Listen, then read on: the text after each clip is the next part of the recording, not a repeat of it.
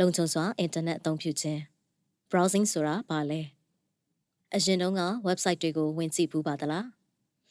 www.webpage.com ဒါမှမဟုတ် www.pagename.net စတာတွေကိုတွားပူးပါသလားဒီနေ့ခေတ်စီးပွားရေးလုပ်ငန်းအားလုံးဒီပါဟာသူတို့ရဲ့ customer တွေအတွက် website ကိုစီရှိကြပါတယ် electronic ပစ္စည်းအစားအစာနဲ့ကုန်ကြောက်ပစ္စည်းတွေစတဲ့မိမိတို့လိုအပ်သမျှကို online မှာဈေးဝယ်နိုင်ပါတယ်။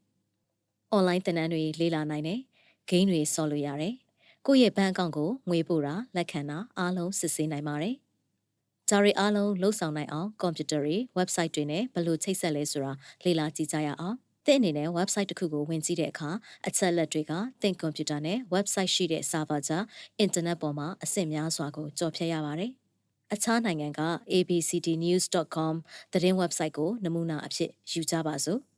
website လိပ်စာကိုသင် browser မှာထည့်သွင်းပြီးနောက်သင်ကွန်ပျူတာက Wi-Fi router စီသို့တောင်းဆိုချက် message ကိုဥစွာပေးပို့ပါလိမ့်မယ်။သင် router ကအဲ့ဒီစာကို data တွင် internet ဝန်ဆောင်မှုပေးသူ ISP ထံသို့ပေးပို့ပါမယ်။ဒါကသင် Wi-Fi ကုမ္ပဏီဒါမှမဟုတ် mobile operator ကုမ္ပဏီဖြစ်နိုင်ပါတယ်။တကယ်လို့သင် ISP ကလက်ခံမှာကသင်ရဲ့ website server တည်ရှိရာအခြားနိုင်ငံမှာရှိတဲ့ ISP ထံကိုချိတ်ဆက်မှာဖြစ်တယ်။ message က website ရဲ့ကုမ္ပဏီအသုံးပြုတဲ့ ISP ကိုရောက်လာမယ်။အဲ့ဒီ ISP ကနောက်ဆုံးမှာ website server နဲ့ချိတ်ဆက်မှာဖြစ်ပါတယ်။အပြန်ခရီးကတော့ဒီအဆင့်အတိုင်းပါပဲ။ဒီအသွားပြန်ဖြစ်စဉ်ကများသောအားဖြင့်မီလီစက္ကန့်များသာကြာတတ်ပါတယ်။ HTTP နှင့် HTTPS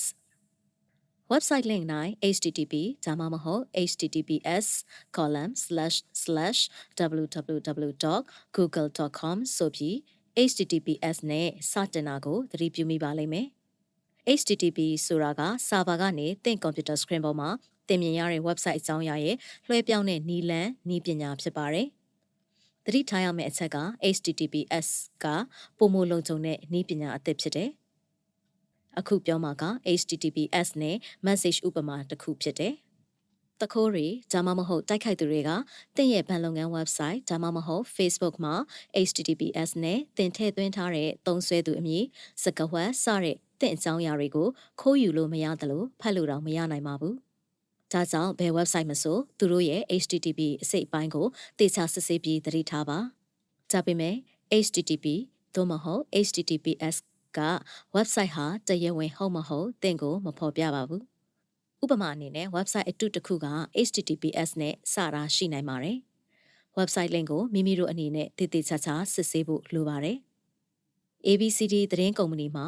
abcdnews.com ဆိုတဲ့ website တစ်ခုပဲရှိတယ်ဆိုပါစို့။ abcdnews.co ဒါမှမဟုတ် abcdnews.media ကိုတွေ့တာနဲ့မိမိတို့အနေနဲ့မနှိမ့်မိစေဖို့တတိထားသင့်ပါတယ်။ abcdnews.com နဲ့ abcdnews.media ဆိုတာမတူတဲ့ web စာမျက်နှာလိပ်စာနှစ်ခုဖြစ်ပါတယ်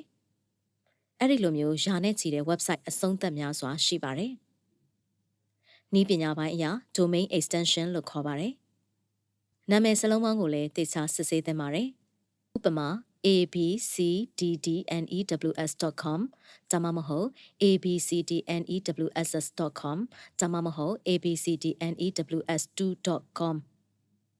သင်ကွန်ပျူတာမှာအန်ဒီရရှိတဲ့ software တွေကို download ဆွဲနိုင်တာကြောင့် website အတုတွေကိုမနှိမ့်မိတာအကောင်းဆုံးဖြစ်ပါတယ်။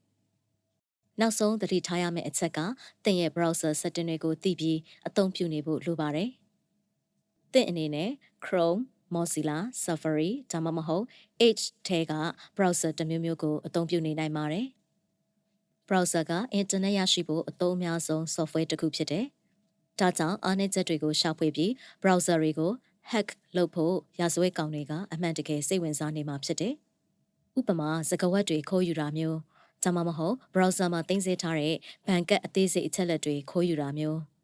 ဒီလို hacker တွေကိုတားဆီးဖို့လုံခြုံရေးအတွက် browser ကုမ္ပဏီတွေကသူတို့ရဲ့ software တွေကိုပုံမှန် update လုပ်ကြပါတယ်